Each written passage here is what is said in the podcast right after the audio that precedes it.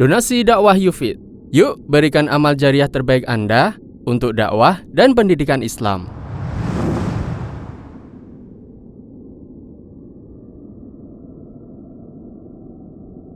Bismillahirrahmanirrahim.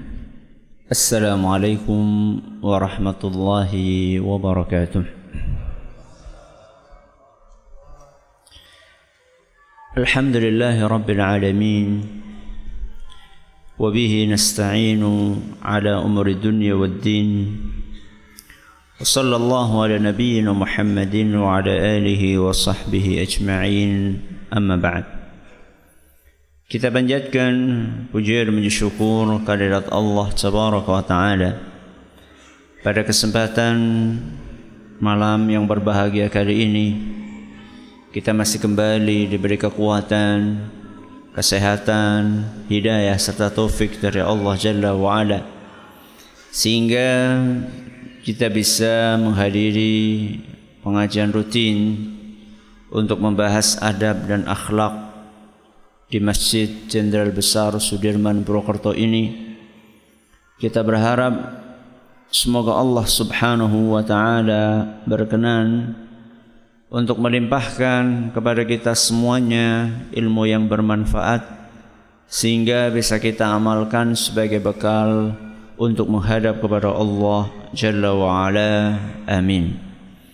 Salawat dan salam semoga senantiasa tercurahkan kepada junjungan kita Nabi besar Muhammad sallallahu alaihi wasallam kepada keluarganya, sahabatnya dan umatnya yang setia mengikuti tuntunannya hingga di akhir nanti.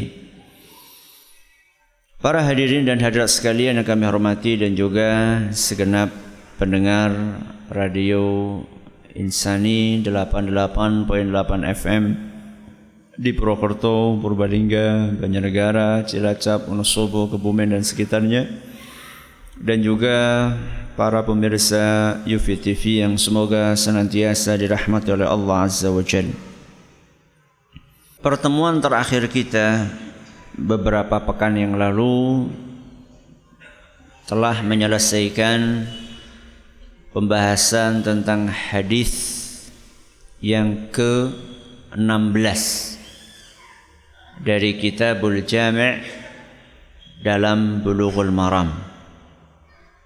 Insya Allah mulai malam hari ini kita akan berpindah menuju hadis berikutnya yaitu hadis yang ke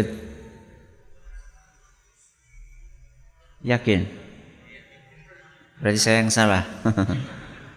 Kemarin berarti hadis 17 ya saking lamanya libur ya sekarang mulai malam hari ini kita akan membahas hadis yang ke-18 yang termaktub di dalam Kitabul Jami' dari karya Imam Ibn Hajar Bulughul Maram yaitu sebuah hadis yang berbunyi wa an Jubair bin Mut'im radhiyallahu anhu qal. Dari seorang sahabat Rasulullah sallallahu alaihi wasallam yang bernama Jubair Siapa namanya? Jubair. Jubair bin Mut'im.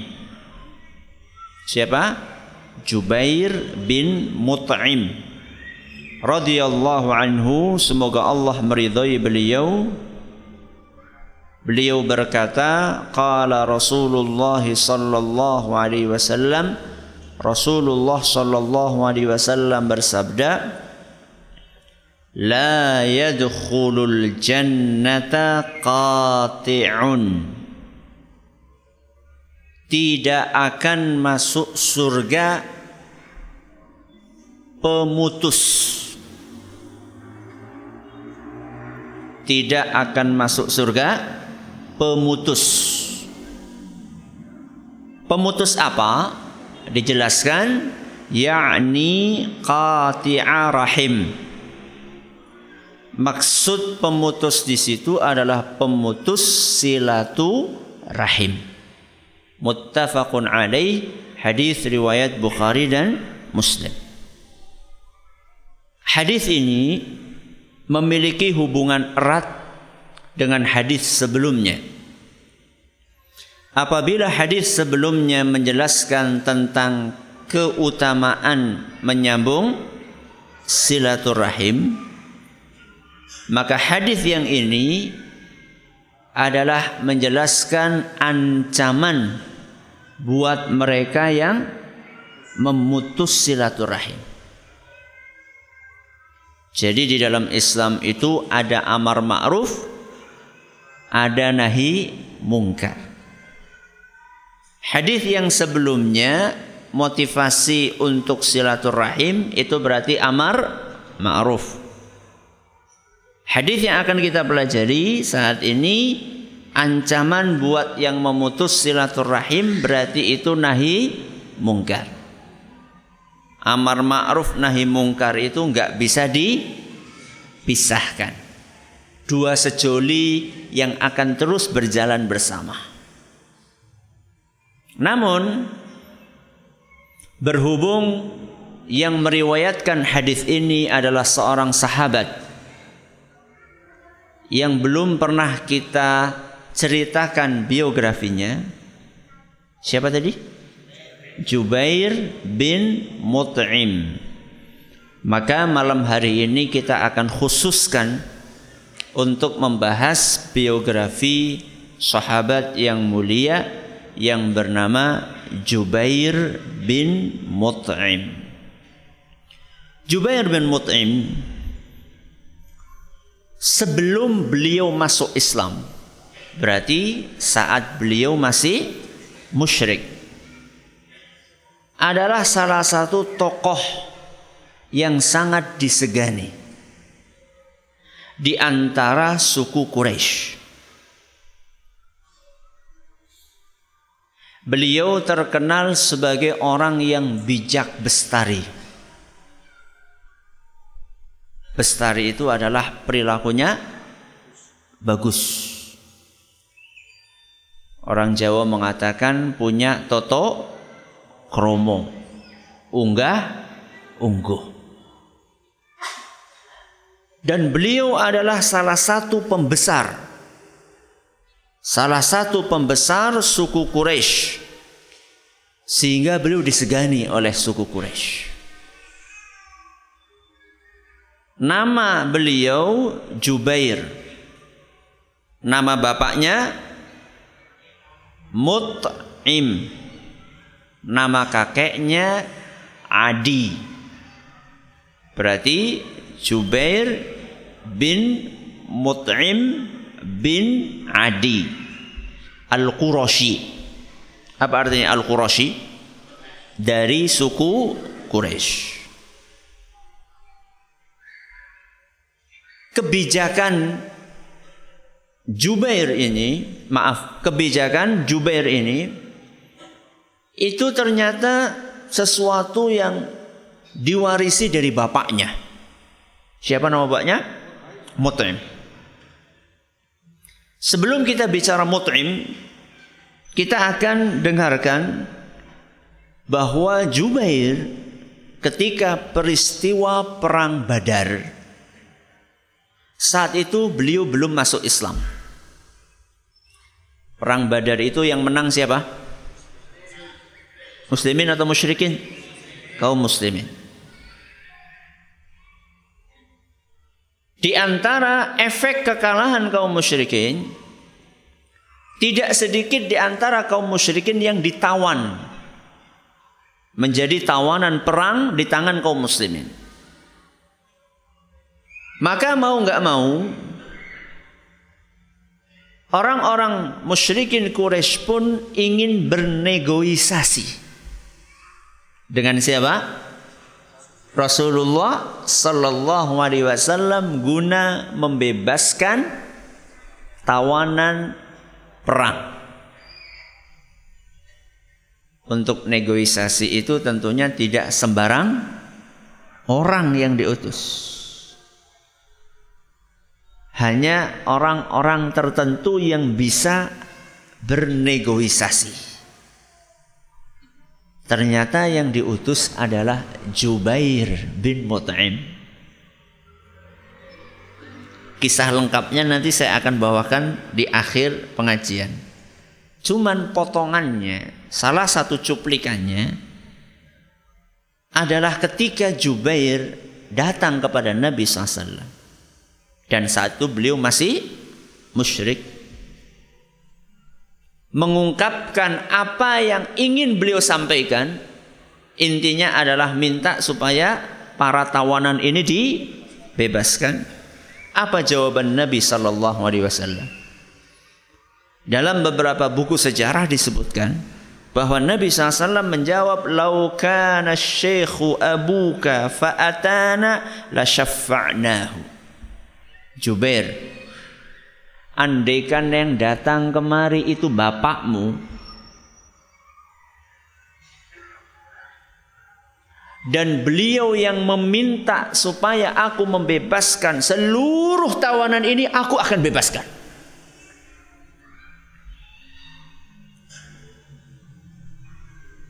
Siapa yang andaikan datang? Bapaknya. Siapa nama bapaknya? Mut'im. Tapi Mut'im udah wafat sebelum perang Badar. Yang datang siapa? Anaknya, yaitu Jubair. Kenapa? Kok Rasulullah Shallallahu Alaihi Wasallam sangat menghormati bapaknya Jubair? Ternyata ada masa lalu yang indah. Apa? Ingat nggak Rasulullah Shallallahu Alaihi Wasallam pernah dakwah ke sebuah kota, kemudian dilempari oleh penduduknya. Kota apa itu? Bagus. Kota Taif. Rasulullah SAW dakwah di Mekah nggak diterima. Maka beliau pun keluar dari Mekah untuk mencari lahan baru. Akhirnya salah satu kota terdekat adalah kota Taif. Dan ternyata responnya lebih buruk atau sama buruk dengan penduduk Mekah. Mau nggak mau Nabi SAW pulang lagi ke Mekah. Dan ternyata ditolak oleh penduduk Mekah. Gak boleh masuk.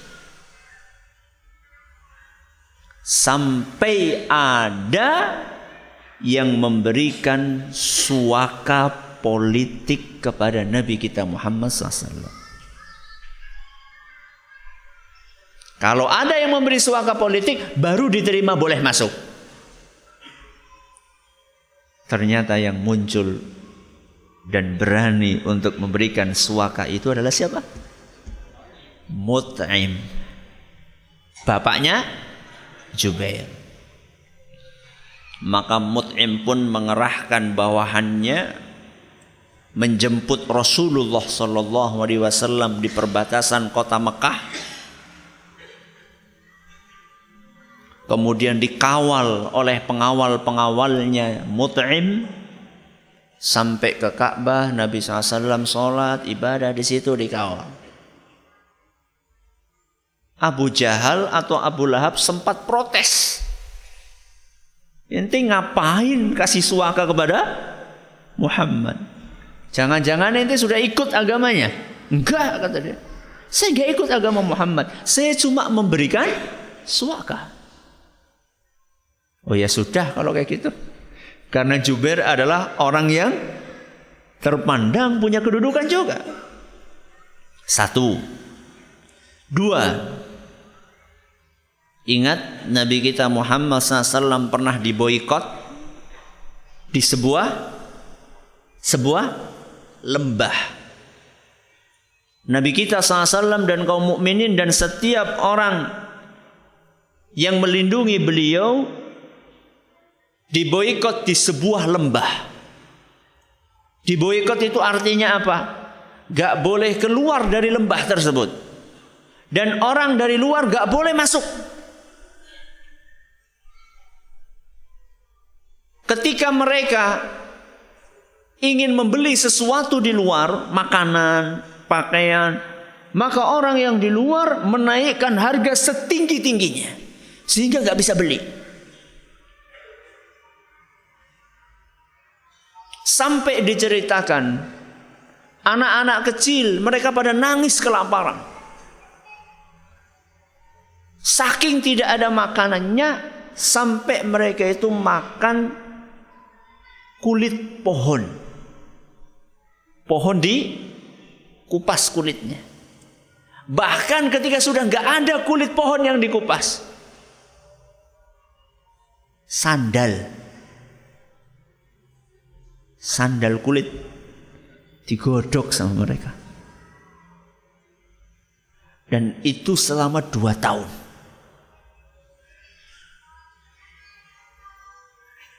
Kok ya tegel-tegelnya ya? Iya. Akan tetapi ada di antara musyrikin Quraisy yang masih punya hati. Salah satunya Mut'im. Beliau dengan gagah berani setelah tidak tahan melihat kondisi saudara-saudara satu sukunya ditindas seperti itu, beliau naik ke depan pintu Ka'bah, kemudian berceramah, ya, mengingatkan orang-orang musyrikin Quraisy.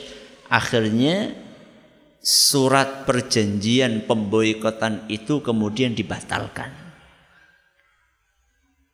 Jasa-jasanya Mut'im kepada siapa? Rasulullah sallallahu alaihi wasallam inilah yang membuat Nabi kita sallallahu alaihi wasallam bersabda andaikan yang minta kepadaku untuk membebaskan seluruh tawanan ini adalah mut'im. Niscaya aku akan kabulkan permintaannya. Hanya mut'im saja enggak Jubair. Jubair juga termasuk orang walaupun musyrik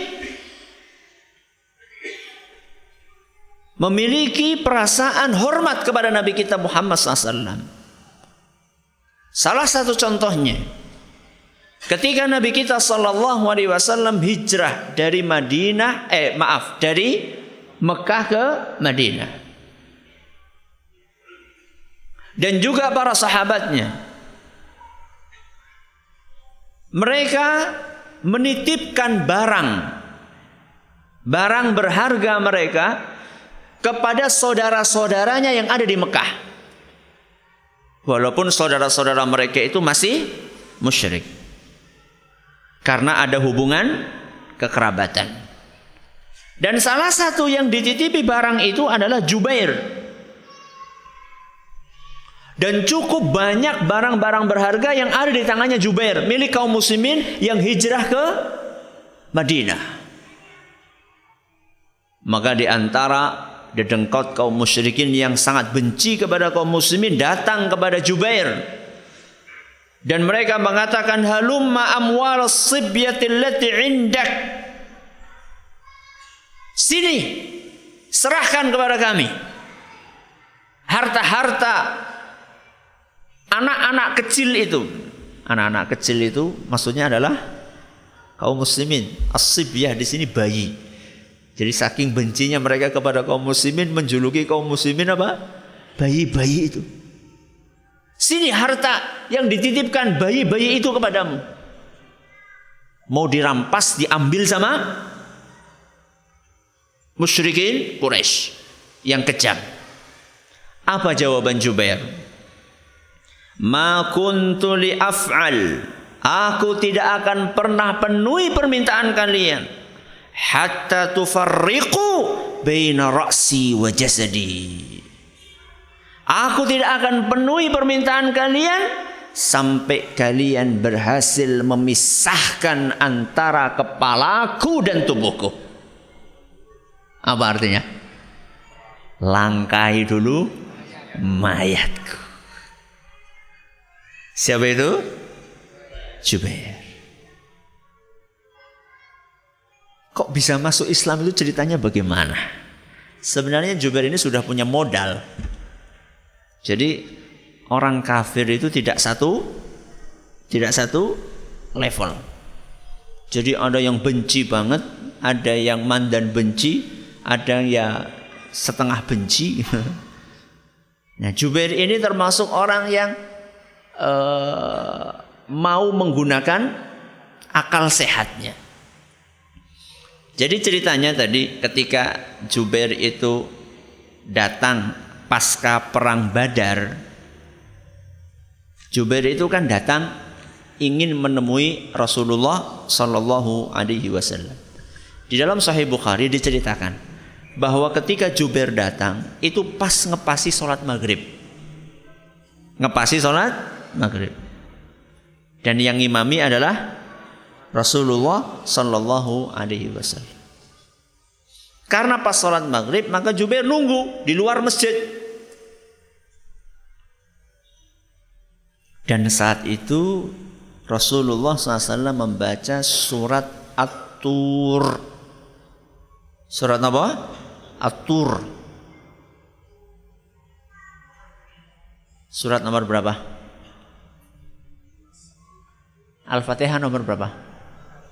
Alhamdulillah. Anas? Ya lumayan lah ngerti lah. Fatihah karo Anas. At-Tur itu surat nomor 52. Surat nomor 52. Agak panjang suratnya. 40-an ayat lebih. Mau nggak mau Jubair ini nungguin di luar. Dan Nabi SAW membaca surat maghrib berarti suratannya suratan jahar. Bacaannya bacaan jahar. Keras. Ya. Karena bukan sholat duhur, bukan sholat asar. Ya. Mau nggak mau Jubair, dengerin bacaan Al-Quran. Apa kata beliau? Falamma balagha hadhihi al-ayah ketika Muhammad sallallahu alaihi wasallam sampai ke sebuah ayat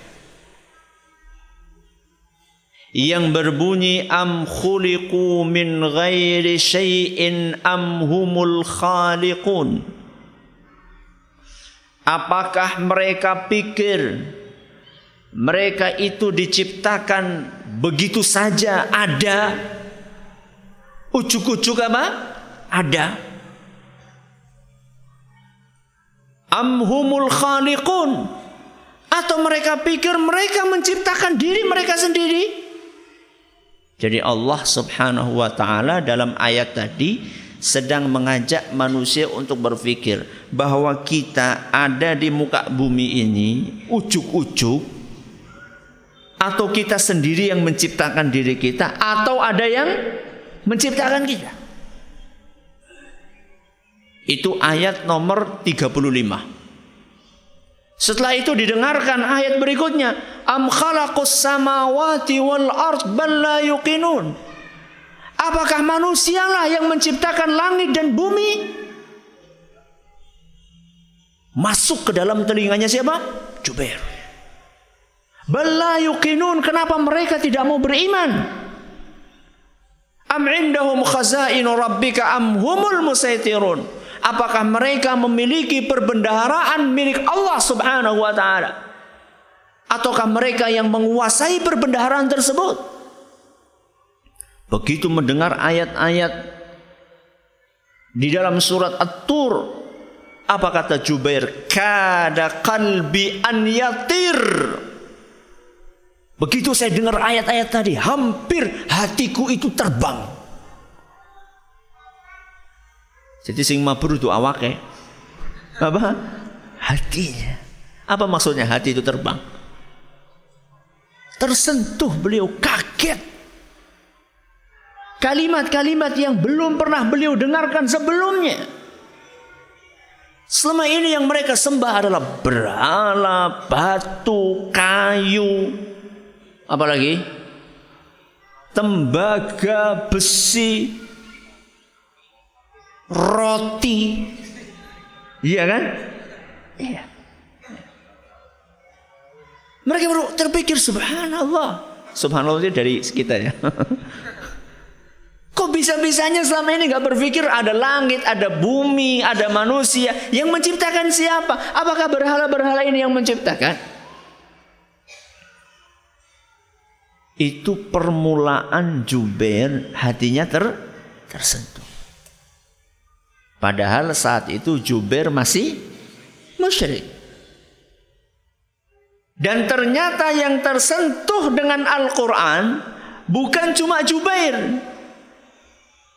Di dalam Sahih Bukhari diceritakan juga bahwa Abu Bakar As-Siddiq setelah masuk Islam itu beliau kalau malam itu sholat sholat lama dan kalau sholat malam kan memang anjurannya bacaannya dikeraskan.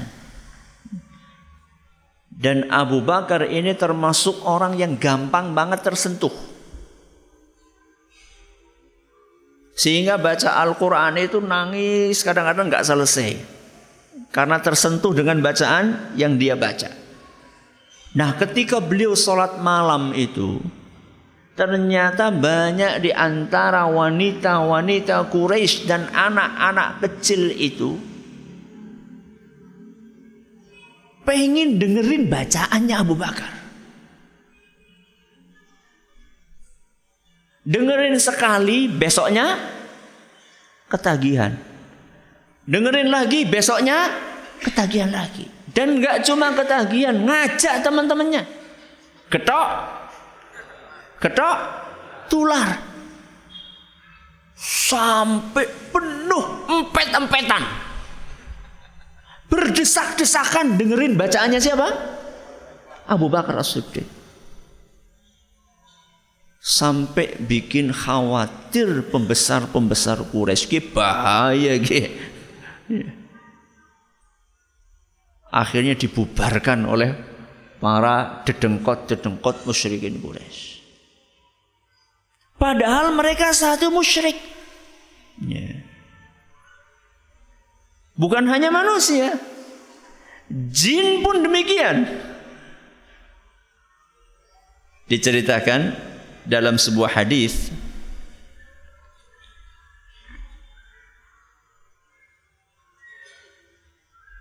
ketika Nabi kita sallallahu alaihi wasallam sedang sholat subuh. Beliau sedang bepergian di tengah jalan, beliau sholat subuh berjamaah dengan para sahabat. Dan ternyata ketika sedang sholat subuh itu ada kaum jin yang ikut nguping. Nguping apa? Nguping bacaan Al-Qur'annya Rasulullah sallallahu alaihi wasallam ketika ngimami subuh. Dan Allah ceritakan itu dalam surat Al-Ahqaf ayat 29. Surat apa? Al-Ahqaf ayat 29. Di situ diceritakan wa id sarafna ilaika nafaram minal jinni yastami'una al-Qur'an. Dan ingatlah ketika kami utus para jin untuk mendengarkan bacaan Al-Qur'anmu wahai Muhammad falamma hadaruhu qalu ansitu ketika mereka hadir ketika mereka ada di sekeliling Nabi SAW dan para sahabatnya yang sedang sholat membaca Al-Quran mereka mengatakan kepada teman-temannya ansitu Apaan sih itu? Sing anteng. Ayo pada di rungokaken. Bayangkan jin aja ngongkon kancane kon pada rungokaken. Gimana ana wacaan Quran? Ge, dipicut bae Quran gue ganggu. Astagfirullah. Jin aja jin, jin. Ya. Yang setiap hari kita berdoa minal jinnati wanas. Sebagian dari jin saja mereka ketika ada Al-Quran bilang sama temannya, jangan berisik, ansitu, dengerin. Ya. Itu dalam surat apa? Al-Ahqaf ayat 29. Bahkan mereka sampai mengungkapkan perasaan mereka ketika mendengarkan Al-Quran. Dalam surat jin ayat pertama. Surat Al-Jin ayat pertama. Qul uhiya ilayya annahu istama'a nafarum minal jinni faqalu inna sami'na qur'anan ajaba. Ketika jin-jin tadi mendengarkan Al-Quran, apa kata mereka? Inna sami'na Qur'anan ajaba. Sesungguhnya kami barusan mendengarkan Al-Quran yang ajaib. Ajaib indahnya. Yeah. Musyrikin, jin, tambahi batu. Apa? Batu. Batu pun tersentuh ketika mendengarkan bacaan Al-Quran. Ayat yang sering kita dengar. Yaitu firman Allah subhanahu wa ta'ala dalam surat Al-Hashr ayat 21. Surat Al-Hashr ayat 21. Allah Subhanahu wa taala berfirman, "Lau anzalna hadzal Qur'ana على جبل لرأيته خاشعا متصدعا من خشية الله Lau anzalna hadzal Qur'an seandainya kami kata Allah Subhanahu wa taala menurunkan Al-Qur'an ini ala jabalin apa artinya jabal gunung salah satu makhluk Allah yang terbuat dari batu dari tanah dari pasir. Seandainya Al-Quran ini diturunkan kepada gunung, la ra'aitahu khashi'an mutasaddi'a. Niscaya kalian akan saksikan gunung batu tersebut tunduk, takut, patuh kepada Allah, bahkan saking takutnya kepada Allah, gunung batu itu bisa hancur berantakan hancur lebur karena takut kepada Allah. Siapa itu? Batu. Kok ana menungsa? Krungu Quran malah bosen. Kowe karo watu kowe apik endi? Bagus mana? Batu, batu. Batu punya hati gak? Punya hati nggak? Gak punya.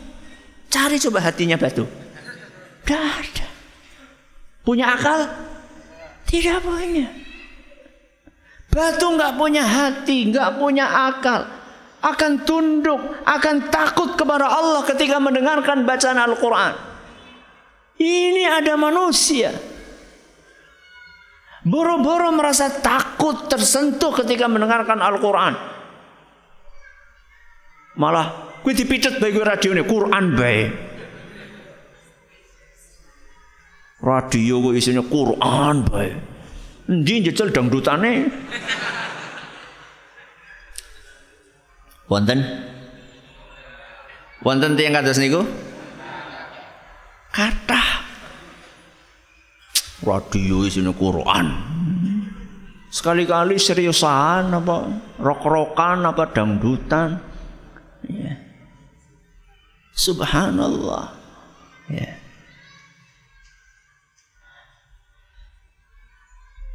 Uthman ibn Affan.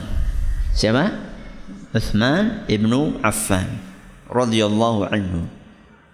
Beliau pernah mengatakan, "Lau tahurat qulubuna ma syabi'at min kalamillah kalau hati kita bersih apa? Kalau hati kita bersih tidak akan pernah bosan terhadap Al-Quran. Apa? Kalau hati kita bersih tidak akan pernah bosan, tidak akan pernah jenuh untuk membaca, mendengar, mengkaji Al-Quran. Berarti kalau ada di antara kita bosan dengan Al-Quran, itu tandanya apa? Tandanya hatinya bermasalah. Maka perbaiki hati kita. Makanya Al-Quran ini diturunkan untuk hati-hati yang hidup.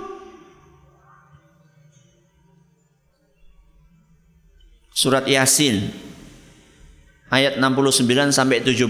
Ada yang hafal? Ayat berapa? 69 sampai 70. Apa bunyinya? In huwa illa dzikru wa qur'anum mubin. Terus liyunzira man kana hayya. Al-Quran itu untuk memberi peringatan kepada orang-orang yang hidup. Hidup apanya? Hidup hatinya.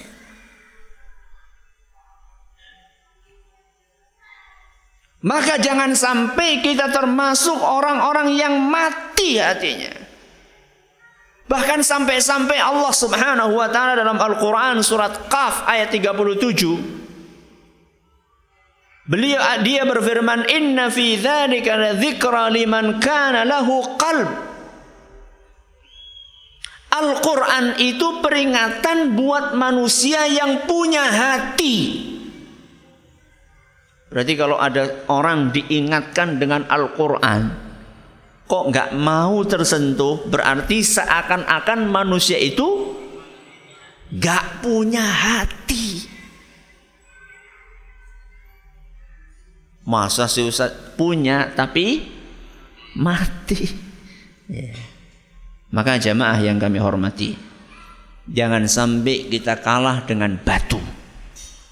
Jangan sampai kita kalah dengan jin. Jangan sampai kita kalah dengan musyrikin Quraisy. Mereka saja tersentuh ketika mendengarkan Al-Quran. Pernah suatu saat saya lihat sebuah video. Ada seorang muslim di di barat. Barat itu maksudnya utuh Banjarnegara utuh Barat maksudnya negara barat muslim. Dia melakukan survei kecil-kecilan, penelitian. Dia membawa Walkman, bawa Walkman yang diisi bacaan Al-Quran. Kalau nggak salah surat Al-Fatihah kalau nggak salah. Atau surat apa saya lupa.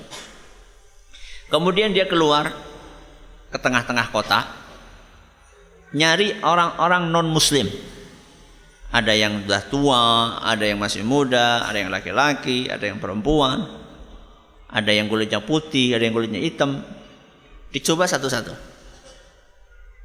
datang dengan sopan dia mengatakan bro. Ya. iya ya kalau orang kita kan bro brother. Brother ente tolong dong dengerin ini sebentar saya minta tolong ente dengerin. Maka dia pun masukkan Walkman ke mana ke telinganya. Dari sekian banyak yang dicoba rata-rata itu membiarkan Walkman itu di telinganya sampai beberapa menit dari yang disoting ya dari yang di syuting. Gak ada dari yang di syuting itu yang kemudian langsung melepaskan. Tapi malah menikmati. Nanti mermelek malah. Selesai. Setelah satu surat selesai kemudian ditanya.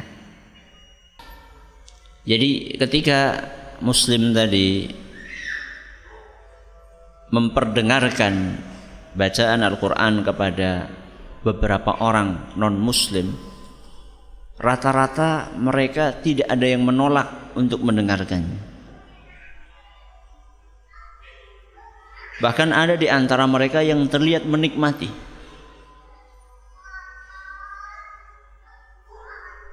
dan hampir semua yang ditanya mereka tidak tahu apa itu Bahkan ada di antara mereka yang menjawab, "Oh, ini anu lagu anu gitu." Dia sebutkan artis yang dia senangi. Oh, bukan. Sebelum Muslim tadi menjelaskan apa isi dari yang mereka dengar, dia tanya dulu. Apa perasaanmu ketika engkau dengarkan Al-Quran tersebut? Ketika engkau dengarkan bacaan itu. Jawabannya macam-macam dan rata-rata positif.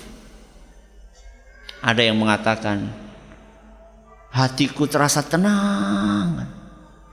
Ini kafir loh. Ini non non muslim. Hatiku terasa tenang. Ada lagi yang ditanya. Aku seakan-akan berada di sebuah tempat yang lapang. Ada yang menjawab, aku seakan-akan berada di dunia lain, di alam yang berbeda. Intinya jawabannya rata-rata positif. Dan kemudian di akhir baru dijelaskan ini adalah Al-Quran, kitab sucinya umat Islam. Ya. Jadi jangan sampai kita sebagai muslim kita yang mendapatkan kemuliaan kitab suci Al-Quran. Jangan sampai kita yang dikasih Al-Quran nggak pernah baca Al-Quran. Bahkan tidak sedikit di antara kaum muslimin yang nggak bisa baca Al-Quran.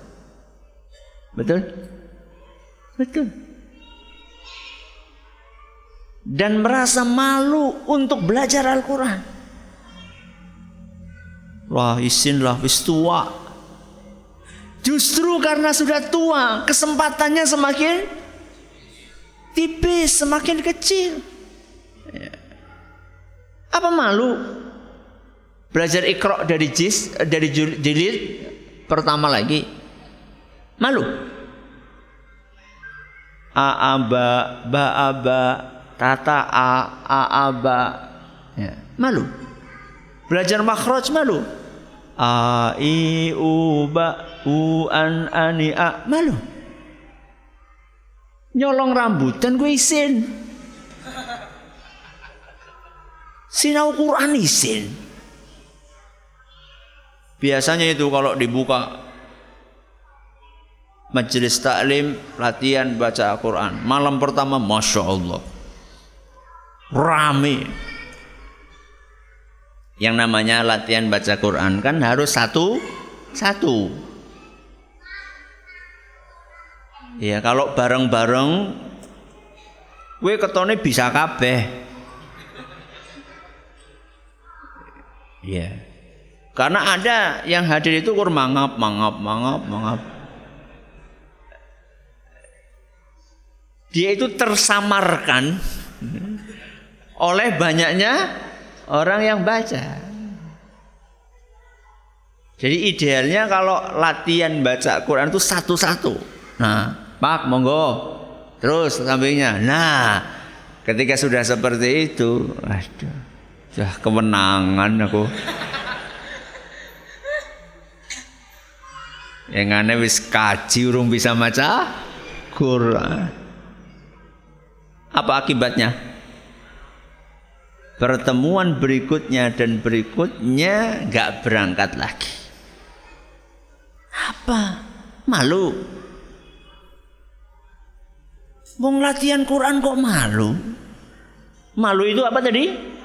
Nyolong rambutan gue isin. Ya. Belajar Al-Quran jangan malu. Gimana kita akan menikmati membaca Al-Quran? Ya. Seandainya kita malu untuk belajar Al-Quran. Ya. Ini pelajaran yang bisa kita ambil dari kisah siapa tadi?